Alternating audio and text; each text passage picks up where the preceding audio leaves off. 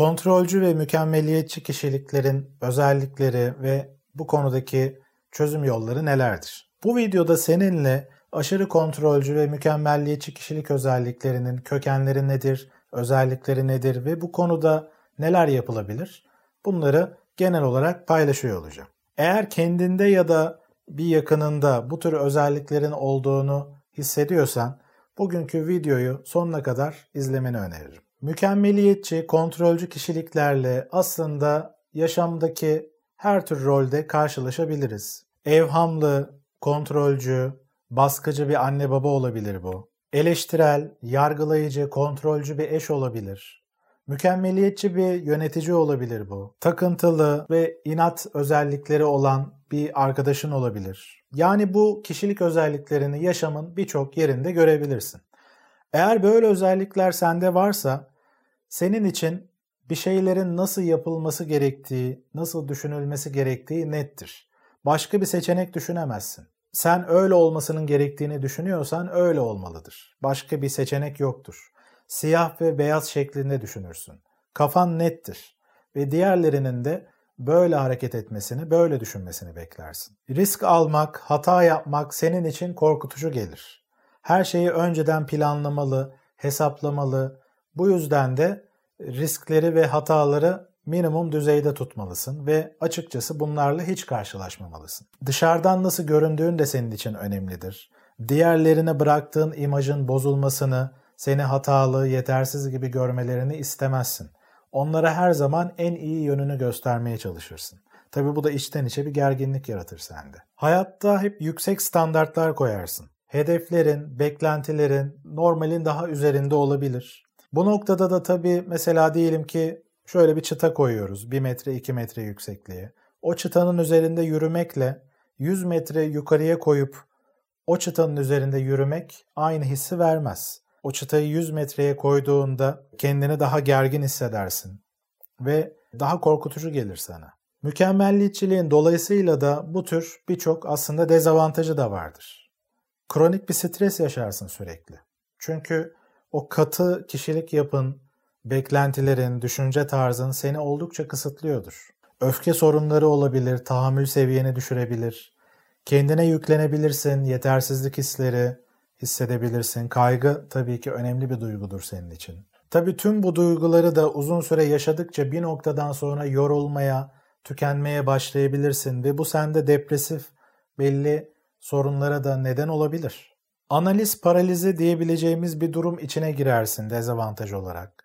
Yapman gereken herhangi bir işi, bir projeyi baştan çok detaylı şekilde düşünmeye çalışırsın. Uzun uzun analizler yaparsın ve bu seni bir noktadan sonra paralize edebilir. Adım atma aşamasına, uygulamaya geçme aşamasına bir türlü gelmeyebilirsin. O yüzden de herhangi bir proje, bir iş üzerinde sanki çok çalışıyorsun gibi hissedersin. Açıkçası çok çalışırsın da, zaman harcarsın ama günün sonunda ele gelen somut bir şeyler pek yok gibi görürsün.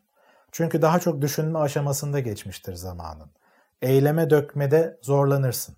Çünkü risk almak, hata yapmak senin için zordur. Bu yüzden de işte yeterince verim sağlamadığın için, potansiyelini yeterince ortaya koyabildiğini, bunun ürünlerini ortaya koyamadığını gördüğün için bir noktadan sonra kendini yetersiz, özgüvensiz hissedebilirsin. Kendini karşılaştırabilirsin başkalarıyla. İşte onlar yapıyorlar bunları.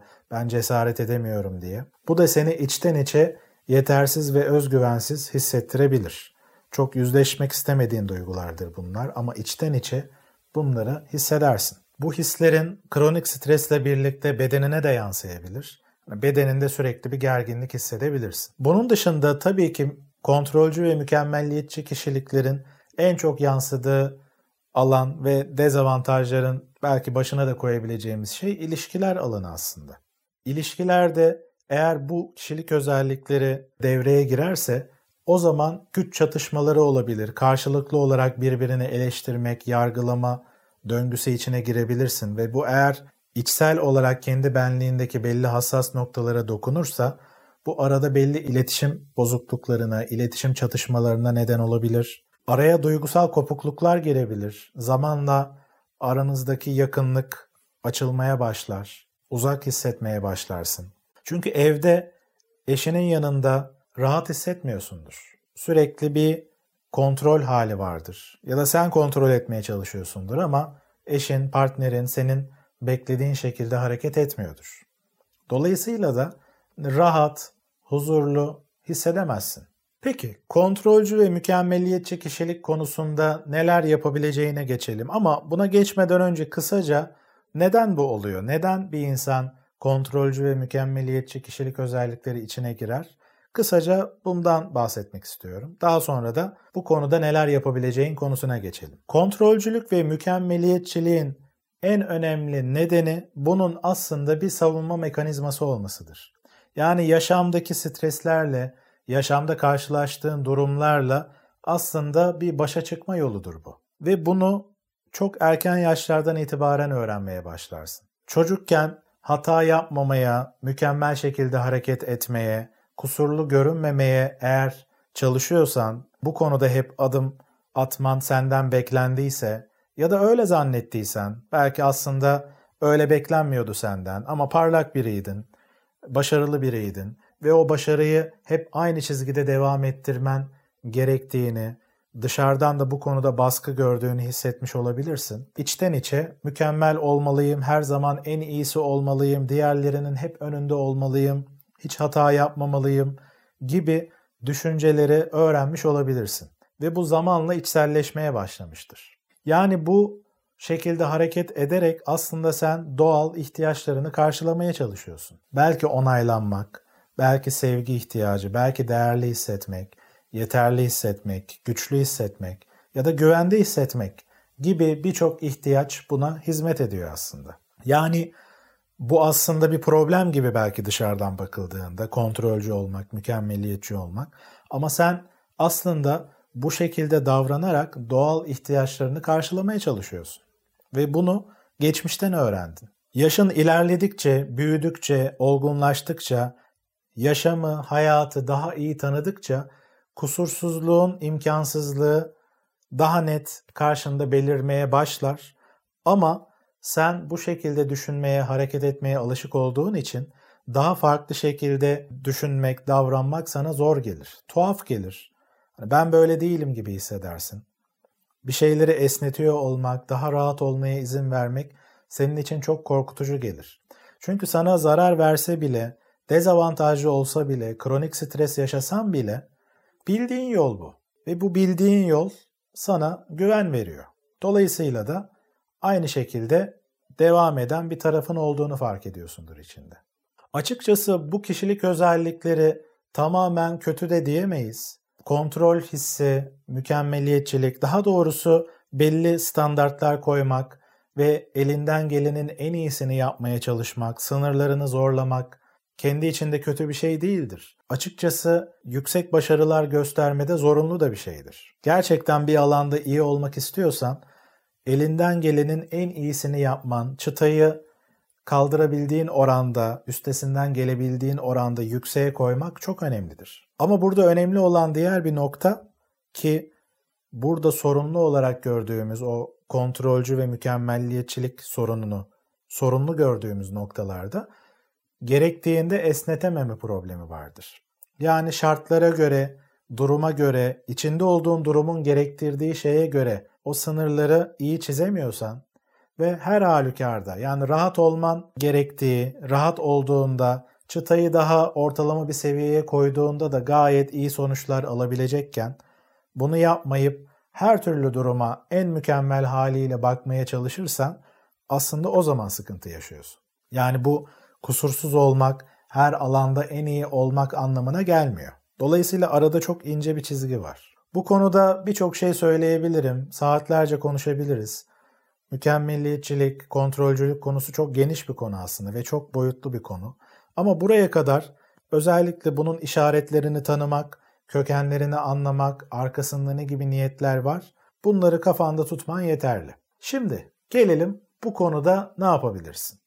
Eğer böyle bir özelliğin kendinde varsa bu konularda kendini nasıl geliştirebilirsin? Esnetme konusunda içine sinecek şekilde nasıl hareket edebilirsin? Bunu konuşalım. Şimdi bu konuda da tabii ki birçok yapılabilecek şey var ama bugün özellikle kafanı karıştırmadan en net ve olması gereken şeyi paylaşayım seninle. O da uygun bir yaşam felsefesine sahip olman gerekiyor. Yani bununla alakalı yaşam felsefeni güncellemen lazım. Güncellediğin versiyonuyla yani şöyle bir şey düşünmen mesela. Mükemmel olmayabilirim. Hatalar yapabilirim. İnsan hata yapabilir. Ama bu hatalarımdan öğrenebilirim.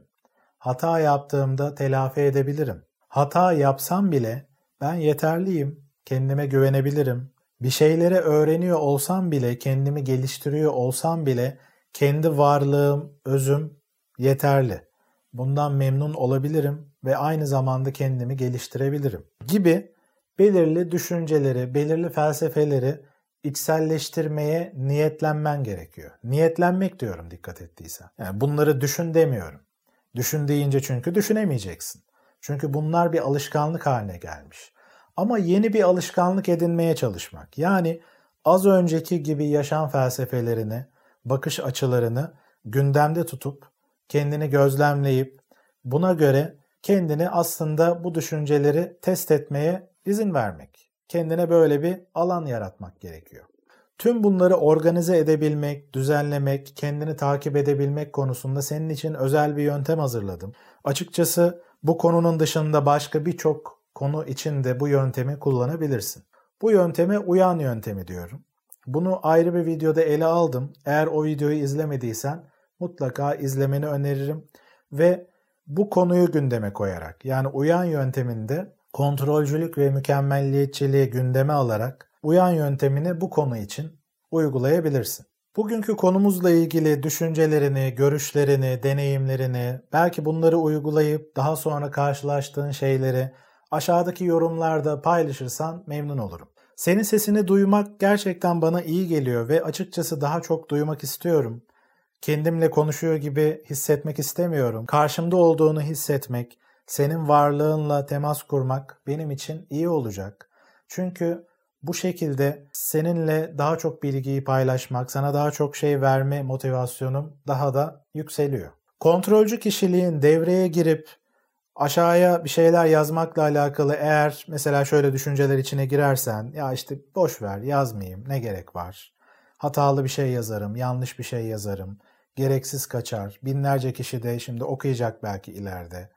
Boş ver gibi düşünceler içine girmiş olabilirsin. Ama ben yine de bunu bir egzersiz fırsatına dönüştürmeni rica ediyorum. Bir şekilde bir ses ver. Ben buradayım de. Belki videolarla alakalı geri bildirimlerini paylaşabilirsin. Bir ses ver yani kısaca. Senin sesini duyarsam memnun olacağım. Kanalıma abone olmadıysan abone olmayı, beğendiğin ya da beğenmediğin videoları işaretlemeyi unutma. Tekrar görüşmek üzere.